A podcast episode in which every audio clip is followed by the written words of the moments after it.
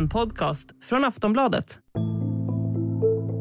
Högt i tak men tjocka väggar har varit ett talesätt i toppen av svensk hockey. Vi har nu stängt in tre stora ishockeyprofiler i det där säkra rummet. Men skillnaden nu är att mikrofonerna är på. Medverkar gör Jonathan Hedström, Då spårar det ur. Fick straff åkte jag inför hela gruppen. Jag hade gått upp ett kilo. Ja. Och då, tjopp, förstördes karriären. Nils Andersson Och jag, jag skrattade bort det fram till jag var 27-28. Och sen när den kom fram i sista, sista klubben jag spelade i. Då sa jag den där, den där tången, liksom, den ska inte, jag ska inte se den där tången mer liksom. Oskar Alsenfelt, har absolut bidragit till den här kulturen och jag, jag skulle kunna sit- sitta och säga att jag mår skitdåligt att jag har gjort det men det gör jag inte för att det har jag ju liksom blivit inskolad i. Här är deras berättelser om svensk ishockey. I det som aldrig blivit sagt.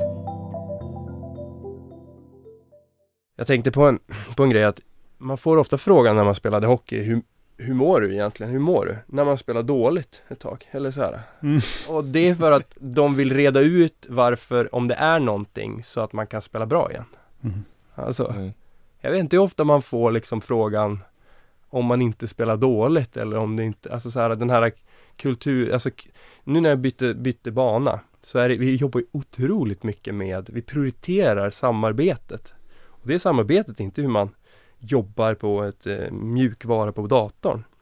Utan det är hur man ser till att man startar varje morgon med att fråga hur alla mår. Hur, hur, hur, hur, hur känns det för dig? Vad är dina känslor? Gå varvet runt. Och så diskuterar man det. Man avslutar varje dag på samma sätt. Mm. Man har liksom tydliga riktlinjer för det här ska vi stå för. Det är, här, det är därför jag är här. Det här är vart jag vill nå. Liksom så här, går igenom det tydligt och det är, det, är, det är högsta prioritering för att samarbetet ska funka.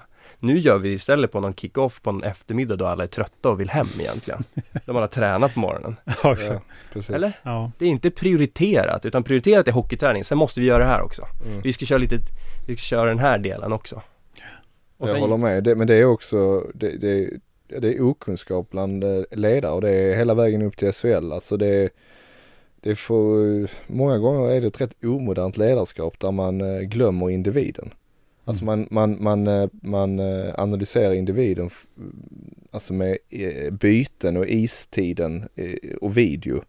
Men du glömmer oftast människan bakom. Det håller jag med om. Alltså ända upp till elitnivå. Jag tror att det är ju nästa steg för att också bli bättre som lag. Det är att vara ännu mer individanpassad liksom. Jaget för laget så att säga. Mm. Men ni, hur många nu? ni, har ju spelat många som ni har sett dem må dåligt. Eller hur? Mm. Likväl som jag har gjort eller har sett. Eh, jag har till och med bott med en kille som hade gigantiska spelmissbruk. Jag har inte en aning. Alltså det är ju det att man döljer ju allt. Man blir ju extremt bra på att dölja också hur du mår. Mm.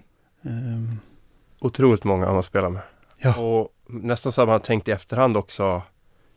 "Ja, Han mådde fan, han mådde inte bra. Nej. Eh, och jag skulle säga att det inte är att det är en av 20.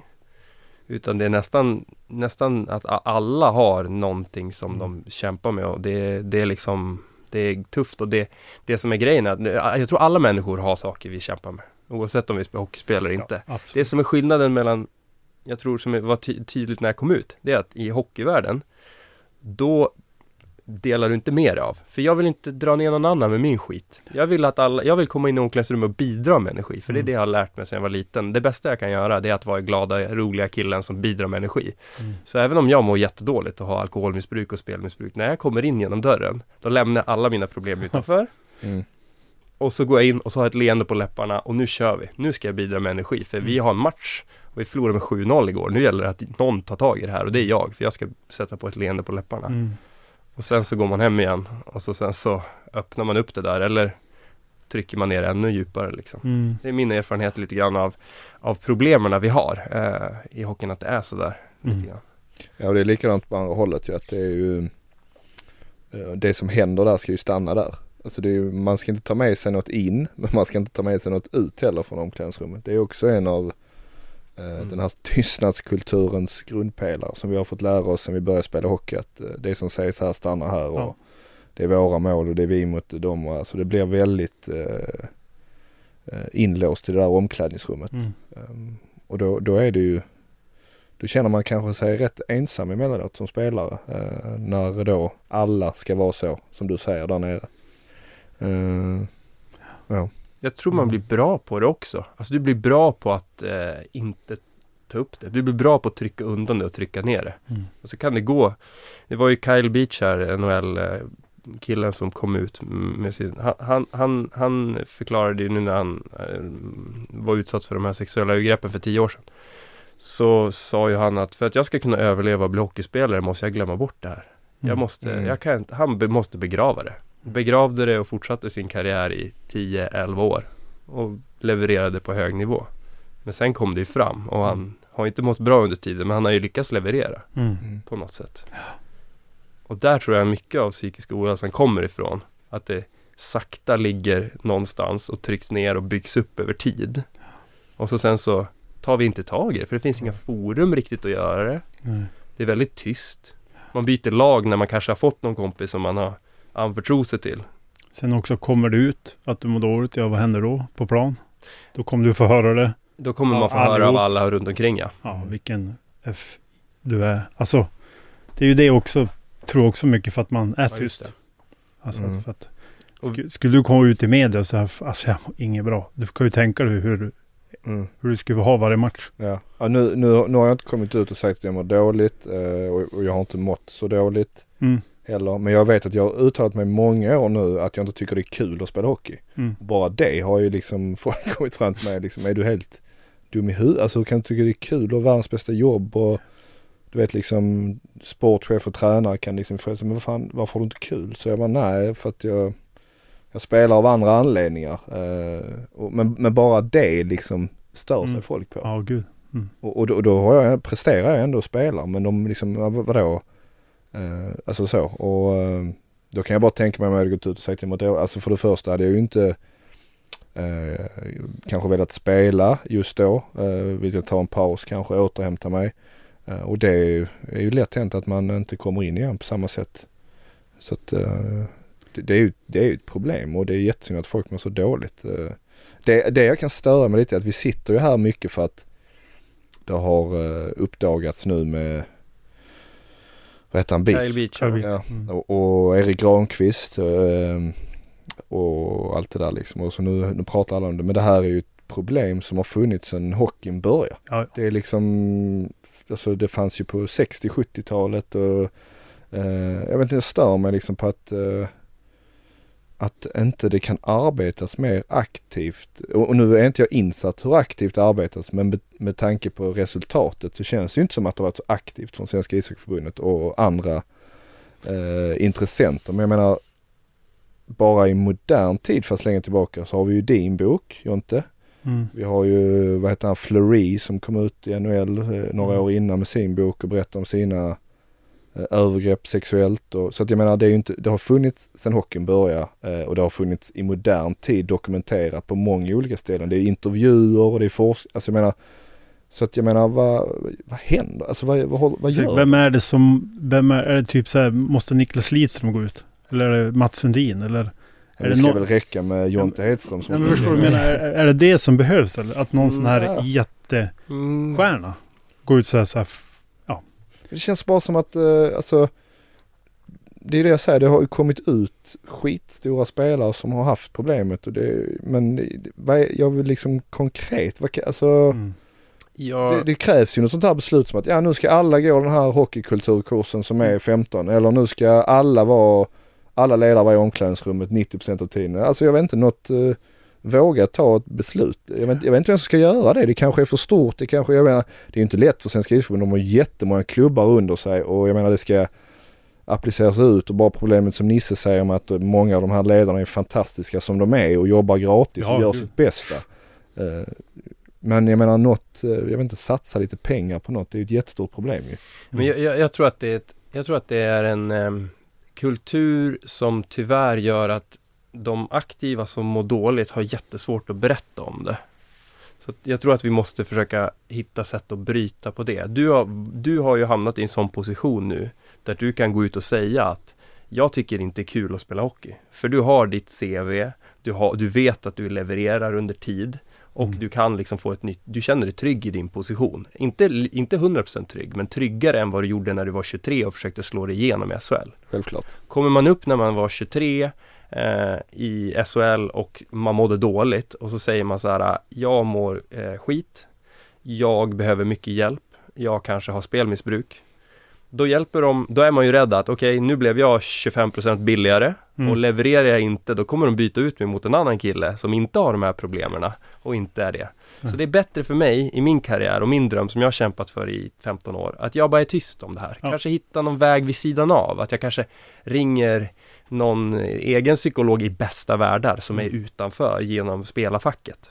Men det är ingen som, det, det är ingen, ingen liksom öppen kultur där man är okej att komma ut och göra det för att Men du blir sågad direkt där liksom. jag håller med och det, det, det är ju jättetragiskt att den här tystnadskulturen gör att så många mår dåligt. Mm. Men det är det jag säger lite att tystnadskultur också grundar sig i att man inte vet. Mm. Alltså det är därför det, är- det är därför det heter som det gör. Och, och vi vet ju. Mm. Vi Mm. vet ju att eh, folk mår dåliga. Vi vet ju om sexuella övergrepp. Vi vet om ätstörningar. Vi vet om våld mot kvinnor och att mycket av det kommer från kultur och att det kommer från ungdomar. Alltså vi vet allt det här Mm. ju. Eh, Så att, jag menar nu, nu känns det som att vi vet det. Men vi vill ändå att folk som mår dåligt ska prata mer om det. Och jag menar, ja, det, alltså, det är jättebra om någon kan vara modig och berätta det här i ett läge. Men om nu de som bestämmer och faktiskt kan påverka och göra förändringar Mm. vet redan vad gör då skillnad om en till eller två eller tio Mm. till berättar. De vet ju redan problemet. Det måste ju väl till något, alltså jag menar, Jo men det är bästa världen, men det händer ju ingenting, som, eller händer ju ingenting, det händer sakta och det är ju bättre nu än det var liksom tidigare år, så det händer sakta. Jag menar bara på att när någon visar det här civilkuraget, som det är faktiskt, att ställa sig upp och säga jag mår piss. verkligen.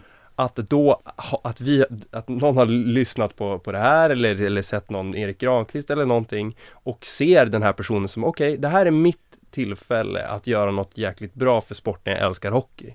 Att inte dra av 25% i nästa kontraktsförhandling för att den här mår dåligt. Mm. Utan istället säga så här, ja, här är viktigt för mig att liksom vara större än så och tänka på nä nästa säsongs budget. Och liksom stött, ställa sig Alltså- bakom den personen. Så det är de besluten som kommer göra skillnad. Sen håller jag med om att det kan finnas beslut på hög nivå som kan göra jättestor skillnad också. Men du tror ändå att den s- största eh, grejen vi kan göra för att bukt med problemet det är att man ska ta den här kedjan vidare av att någon visar civilkurage, någon visar det, vi, alltså fortsätter den här kedjan så att det genomsyrar. Bryta den här kulturen, inte säga emot eller ifrågasätta utan lyssna på personer som vi gjorde nu med liksom Kyle Beach och var ju jättebra. Men det var ju på en sån hög nivå, han fick ju jättemycket. Händer det här i SK Lejon, det, då måste liksom, Mm. det måste lyssnas där också. Jag tror bara inte på Nej. att det kommer, jag tror inte på att det kommer lösas genom den taktiken. Alltså jag, jag, det har ju inte förändrats på jättemånga år. Vi har vetat saker och, och folk har inte vågat prata om det de här åren som har varit. Eh, Det är ju ingen annan vad jag vet i alla fall Mm. som har gått ut och sagt, pratat mycket om ätstörningar eller någonting bara för att Jonte gick ut och det finns ju, det finns ju såklart fler som har det.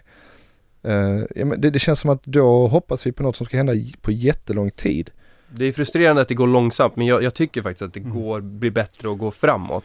Men det går ju långsamt och man önskar att det kunde bli aktiva beslut som gör att det skyndar på den här processen för att Ja, jag har ju 12 år men du har ju bara eh, 6 år innan dina barn är, är 12. Eller vad Ja, ja precis. Nej men jag, eh, Ja.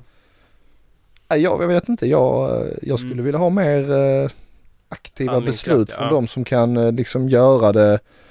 Alltså jag, jag vet inte, jag, jag, jag tycker att för många mår dåligt och jag tycker framförallt att många kvinnor blir utsatta för våld i sån stor utsträckning varje dag att vi inte har råd att vänta på någon tid. Det finns liksom ingen tid. Det måste till ett sånt sjukt beslut direkt bara som är så här, ja ni får inte spela hockey om ni inte går den här kursen eller ni, ni får liksom inte, ni får inte vara med i nästa match om ni håller på att snacka så här i omklädningsrummet. Mm. Eller ni får inte, alltså ni, ni, ni har inte hemma här om ni gör så här. Och, och jag, jag är den första att erkänna att jag har, allt det jag vill de ska sätta ett jättebeslut för nu, har jag gjort. Eh, precis som jag inte säger, jag vet inte, jag, jag tror inte jag har mobbat någon aktivt men jag har ju haft en svart, det vet ju du Nisse som har umgåtts med jag gillar ju liksom rätt grov humor.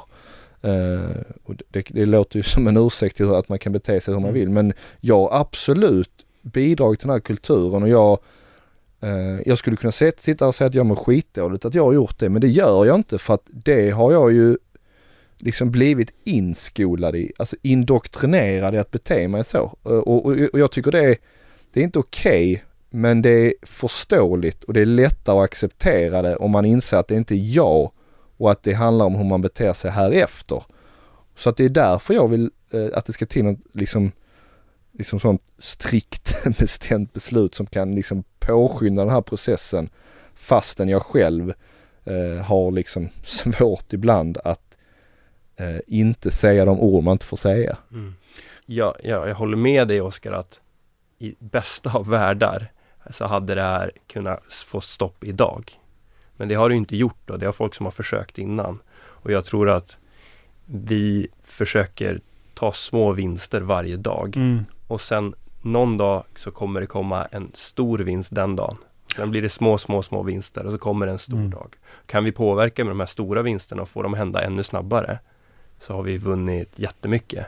Och det är, vi, vill ju sam, vi, vi vill ju samma sak och vi, vill ju, vi har ju samma mål. Ja men absolut, det är bara att eh, vi ser på hur vi ska lösa problemet på lite olika sätt. Mm. Jag, men om jag ställer sån här fråga till dig då. Mm. Vad, vad är nackdelen med att komma med ett sånt beslut där liksom så här måste det vara? Det finns inga nackdelar, det är bara att de besluten kommer inte att klubba igenom för det finns andra, det finns, ing, det finns inte tillräckligt med vinster för de personerna som tar de besluten att, gör, att, att, att göra det. Alltså det, det, det, de är, i positioner där det finns andra saker som de blir belönade för. Så det är den här Alltså belöningsgrejen. vadå, man får väl lita lite mer på människor att de har ett, Varför har det inte hänt då innan tänker jag?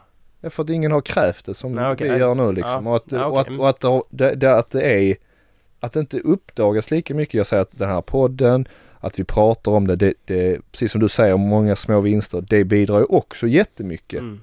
Men eh, jag menar någonstans kan väl eh, folk kräva att något ska hända. Så Svenska isförbund, vi är ju, sitter ju tre här som har lite inflytande. Vi sitter i SIKOs styrelse. Mm. Eh, Mm. Jonte är Jonte och många lyssnar på honom. Jag menar, där, han var med i Nyhetsmorgon precis och, och Mm. pratade om det.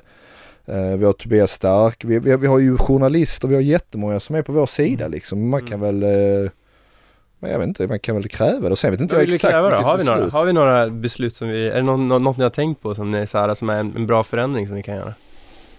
Ja, jag tycker ju att man ska tvinga un, unga killar framförallt att utbilda sig i ämnet. Mm. Och Alltså, jag vet inte ledare. Om, Och ledaren. och ledare såklart, såklart. Mm, Var, var ni i U16-landslaget där efter eh, TV-pucken någonting? Nå, något där, någonstans Nej, jag var aldrig efter? med någonting. Någon- inte. Nej, Då får jag berätta hur det var då. du var bäst. Nej, Nej men eh, det var inte speciellt mycket eh, av de här frågorna som lyftes upp då. Nu var ju det här tio år sedan lite drygt. Så att det var, men det var ju inte mycket eh, utbildning på de här sakerna. Utan då var det de absolut bästa spelarna som skulle få den allra senaste taktiska utvecklingen och tekniska utvecklingen med de bästa taktiskt och tekniska eh, tränarna. Mm. Ehm, där kan man ju påverka att så här, där kan man ju ta, prioritera de här frågorna tänker jag med de som har kanske högst inflytande i Sverige för att du är ju en superstjärna om du är en landslagsspelare i U16 i den kretsen. I gymnasieskolan så Mm. vet ju alla vem du är Mm. om du spelar U16-landslaget. Men vilka är värst då? Det är ju de. Ja. Man, är ute för, man hör det. Hockeygrabbarna alltid värst. Alltid värst. Mm. Alltid Men värst. det tyckte jag var ett jättebra tanke. Det tyckte Mm. jag var skitbra idé. Eh, Det är ju en bra början ju. Jättebra. Och det, och det kanske redan gör, vi, det Ja, ska vi säga, det kanske precis. redan görs och jobbas med. Jag men det, om vi säger så här, det är jätte, och det jobbas ju 100% med. Men att det prioriteras ännu mer och hur Mm. viktigt det är och hur mycket vi berättar nu, hur viktigt det är. Men Ja. så många som jag hör av sig till mig också, som jag träffas, som killar som har ätstörningar eller problem på grund av pressen som är. Och eh, som du säger också, kulturen, hur de, de är ju, man är ju väldigt stark i grupp. Mm. För det är, det är många säger lärare som jag träffar också, nio som jag föreläser för. De säger att när du träffar dem själv, de här hockeygrabbarna, de är ju världens finaste. Men Mm. direkt det blir grupp, då blir det det här mobbing. Mm. Med tjejer framförallt också, de har ju jätteproblem på de här idrottsgymnasierna. Mm. Hur de är mot tjejerna. Hur, men vad är din erfarenhet av idrottsgymnasierna? För jag, jag har, liksom en, en farhåga att där är det lite problem fortfarande. Att det är otroligt eh, enkelt att glida igenom och vara en skitstövel genom hockeygymnasiet och ändå få fortsatt förtroende att spela i, i klubbarna och liksom och sådär och, och betyg och liksom, jag vet inte, vad, vad är din erfarenhet av det? Ja, jag vet att de har, i Skellefteå vet jag att de hade problem med vissa. Mm. Eh, Men de fick ändå fortsätta för att, som du säger, det- var de bästa. Mm. Hade det varit en medioker, hade du, då hade de ju fått gå. Mm. Tyvärr. Det är det som, det, och där tänker jag ju liksom att det kan ställas väldigt tydliga krav. För där är vi skolan som liksom inte har några drivkrafter att de ska bli NHL-spelare. Ja. Så har du ett elitidrottsgymnasium, då kan du ställa stenhårda krav Ja. som skola. Det är ju också, det är, det är en självklarhet.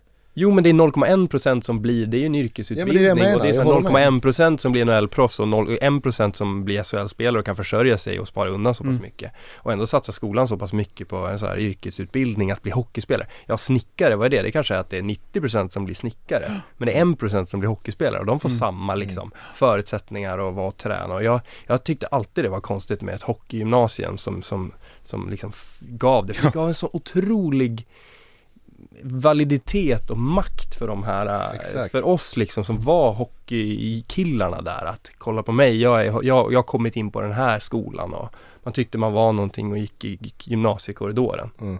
Ja, Jag Då kommer ihåg, jag kommer ihåg, eh, jag var med i någon jävla eh, breddläger och landslags, eh, det var bara någon snabb grej där. Då kunde man söka typ idrott eh, E eller vad det var, något Mm. sånt här.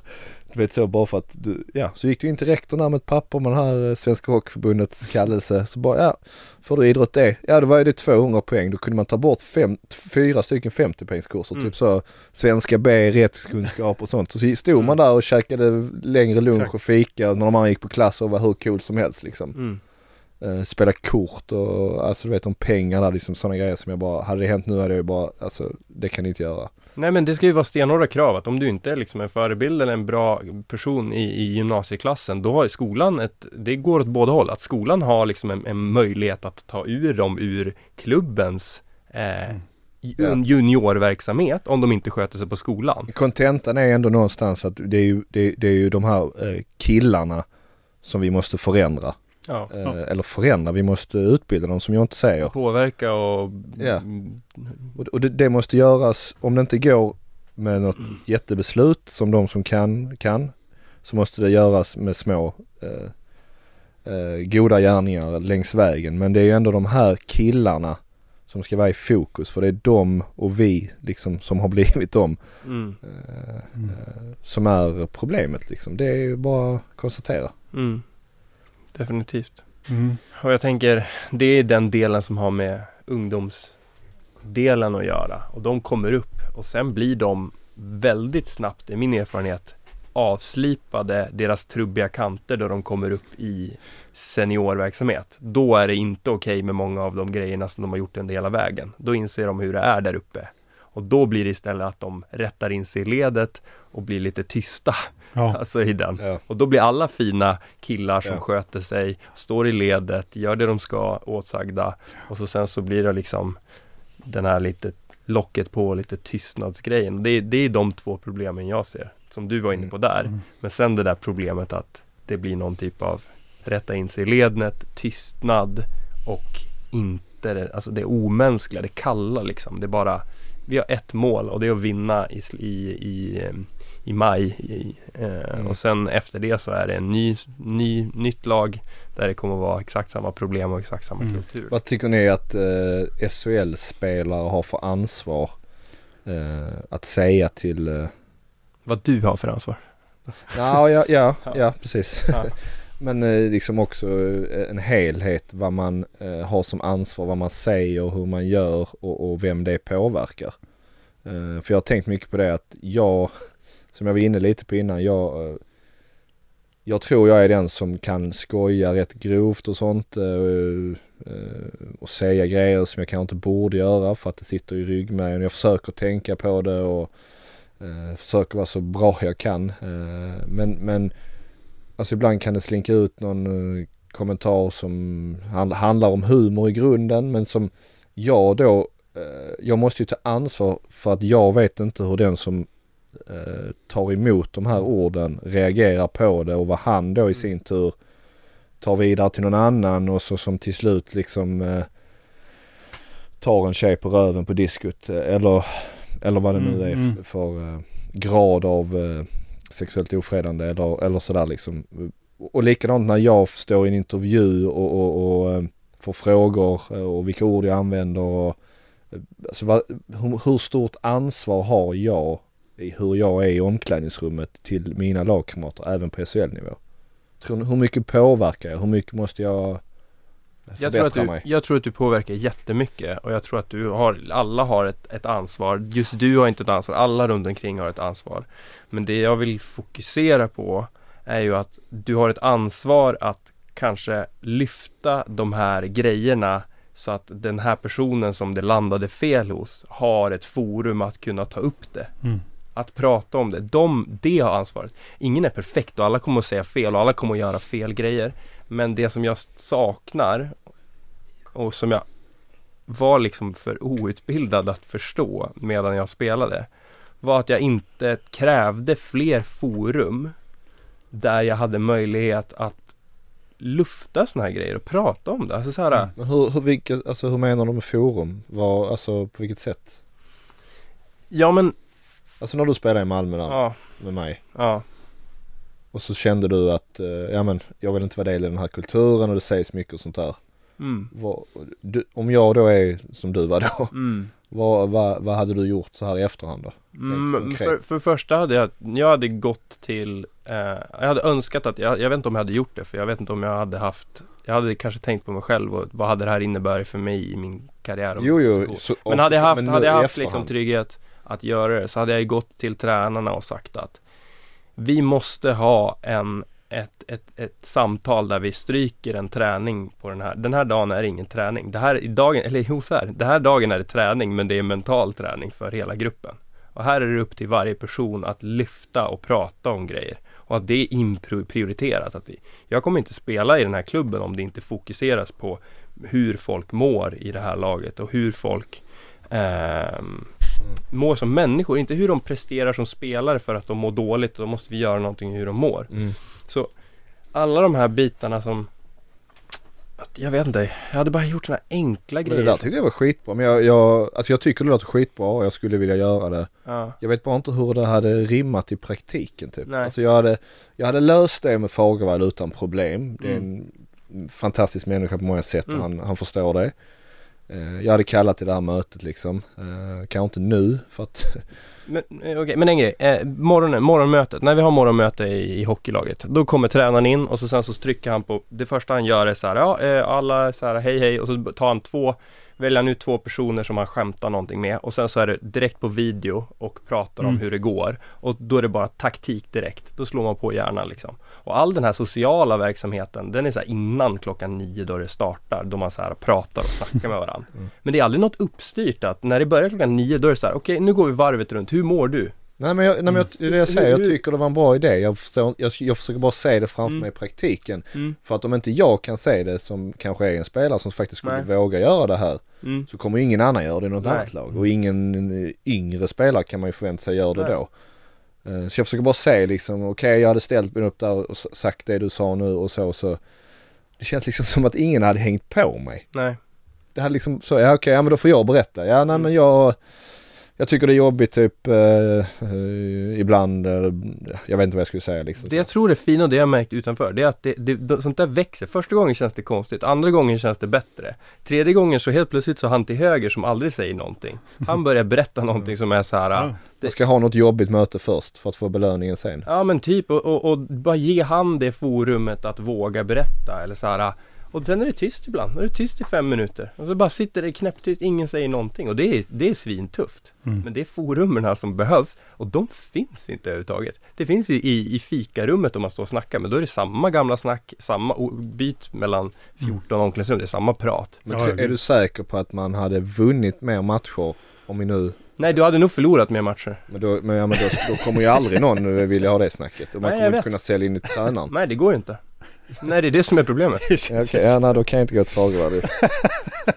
Jag tror att i längden skulle man få mer välmående människor. Ja, Eh, och jag tror att i längden att välmående människor presterar bättre.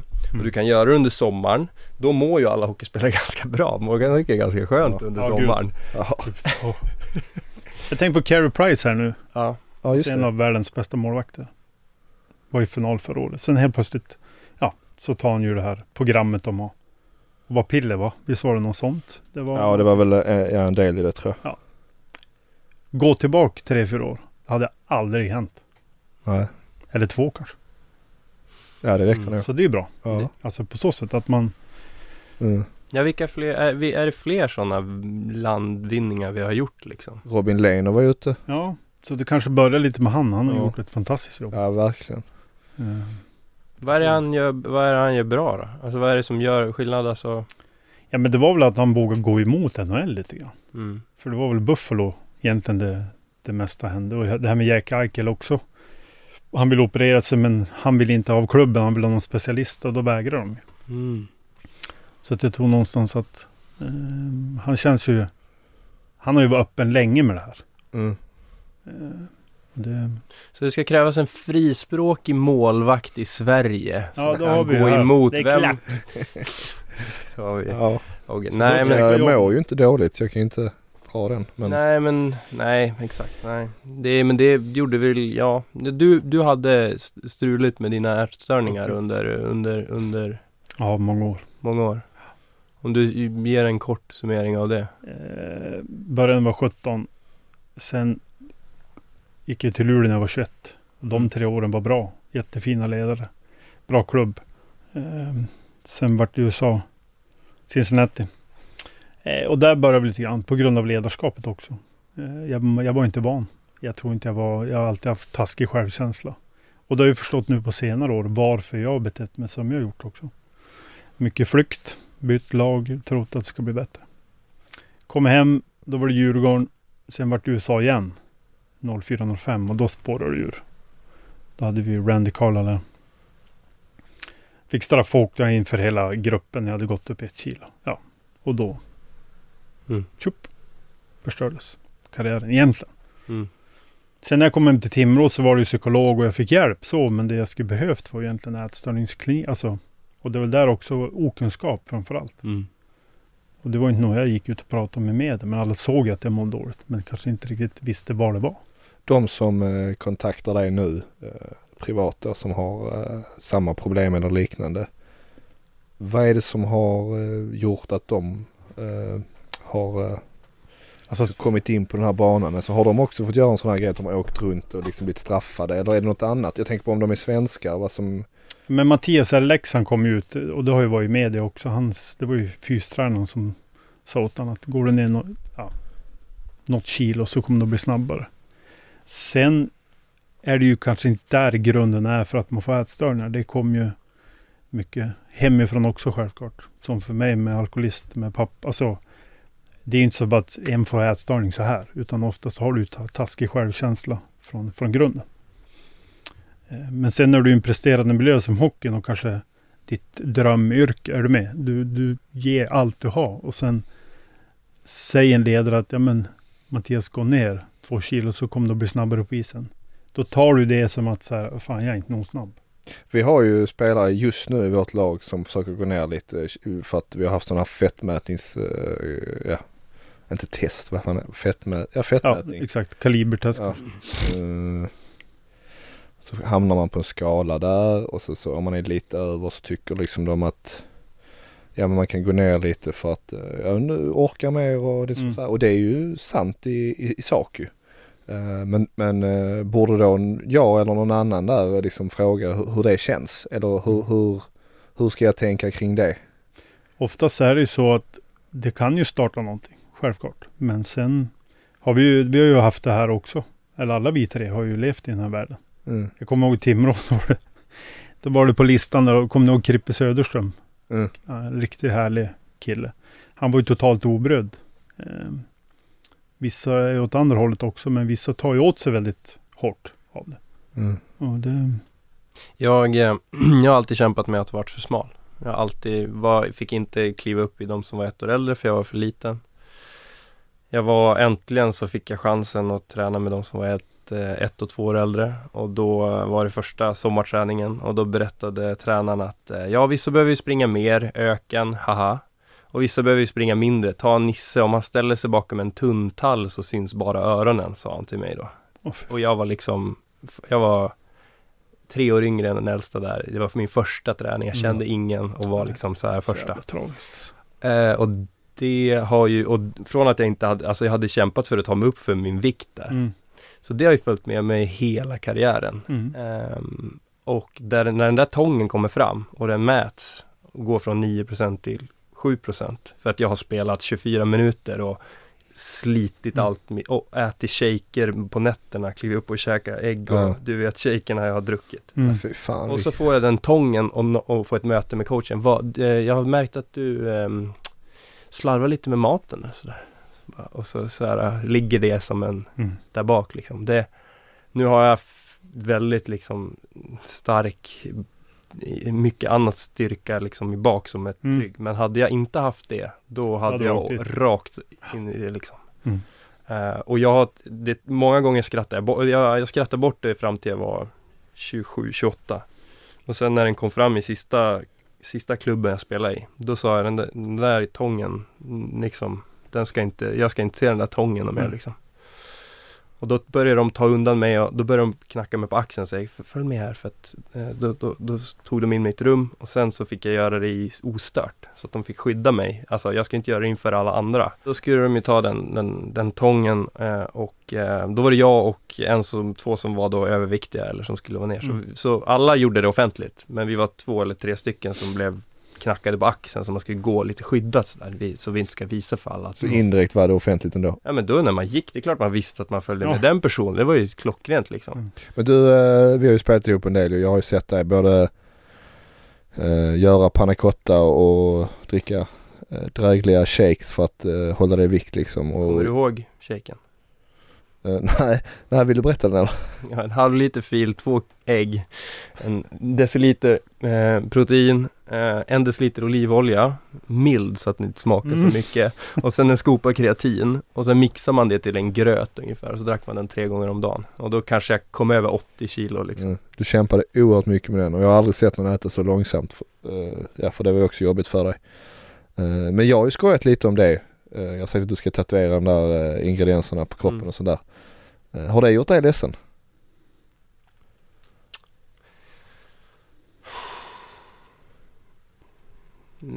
Det, har, det har aldrig kommit från någon Det har aldrig kommit, du har aldrig ställt något krav eller jag har aldrig varit värd mindre för att jag har vägt mer eller mindre för dig eller något sånt. Nej. Så därför gör det ingenting så. Eh, men de där återupprepande kommentarerna som alla drar liksom, det, det gör mig ju påminna om det och jag kämpar ju mycket med det. Så det är klart att det, det påminner mig ju.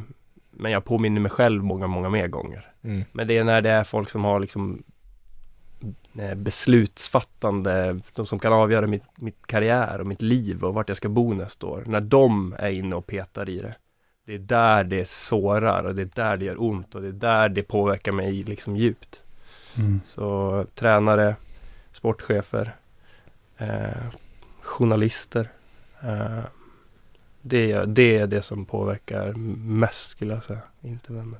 Du, på tal om det. Mm. Journalister. Mm. Mhm. Favoriten. Eh, ja de är, ja. Vi är ju på något sätt någonting på journalister nu eller? Jag är bara gäst. Ja, Får vi prata om dem? jag vet inte, vi är ju här med Mm. två som lyssnar där inne men eh, deras ansvar i den här kulturen. Ja. Vad skriver de? Vad gör de? De har kanske en direkt makt att verkligen påverka. Tar de verkligen det ansvaret? Nej, det tycker jag inte.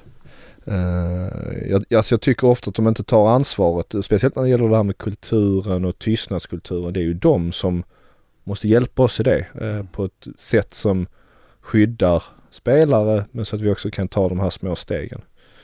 Hur ska de hjälpa liksom? Det, jag tänker att deras roll är att rapportera så ärligt som möjligt och ge en så ärlig bild som möjligt. Men kan de Ja, hjälpa? men vad är det, det gör de ju inte om de inte... Ja, men då är det den ärligheten att de ska vara liksom, att de gör det fair och ärligt. Är det det som är att hjälpa eller? Ja det tycker jag. Men sen också en aktiv plan kanske för att eh, ja, det här är ju något som folk vill höra om och läsa om men om man är förberedd och, och har en plan så kan man ju också förändra världen till ett bättre ställe. Ja, det är väl allas ansvar. Om det inte blir några ungdomar som håller på med hockey har de ingen hockey att rapportera om heller kan man ju Nej, det finns något. det är ju Men- också mm, ett argument. Ja, men sen också kanske den här hetsen som finns idag. Det är ju många, många vet ju om det här. Ja. Varför inte göra ett reportage om det då? Alltså förstår du vad jag menar? Ja. Någonstans måste man ju börja. Även om vi sitter här som du säger, eller Mm. jag är ute och pratar. Men media, det, det lärde jag mig snabbt. Jag har också varit frispråkig. Men en sak jag lärde mig i Luleå, så du kommer aldrig Hedström att vinna mot media. Och så är det ju. Ja. ja, så är det ju. Det är därför de har makten. Ja, och då tänker jag att de kanske kan göra det. Våga så här, ta det här jobbiga. Mm. Ja, men, eller vi kanske bara måste vara mycket mer underhållande. Vi är så tråkiga så de vill ha inget att skriva om. Nej, vi måste göra det på ett roligare sätt.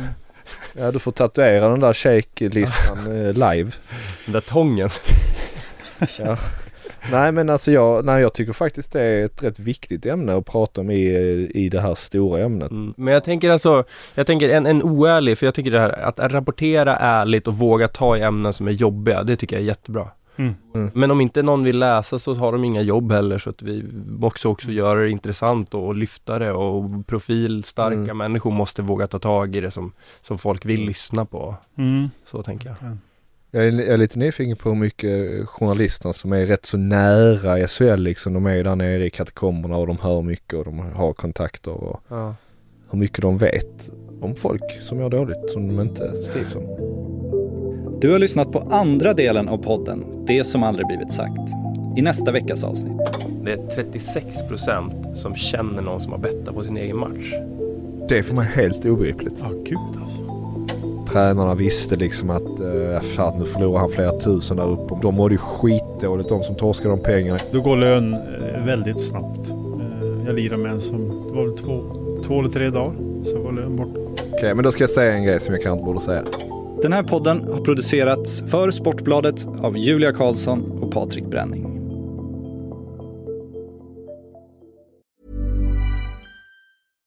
Finding your perfect home was hard, but thanks to Burrow, furnishing it has never been easier. Burrow's easy to assemble modular sofas and sectionals are made from premium, durable materials, including stain and scratch resistant fabrics. So they're not just comfortable and stylish, they're built to last. Plus, every single Burrow order ships free right to your door. Right now, get 15% off your first order at burrow.com slash ACAST. That's 15% off at burrow.com slash ACAST.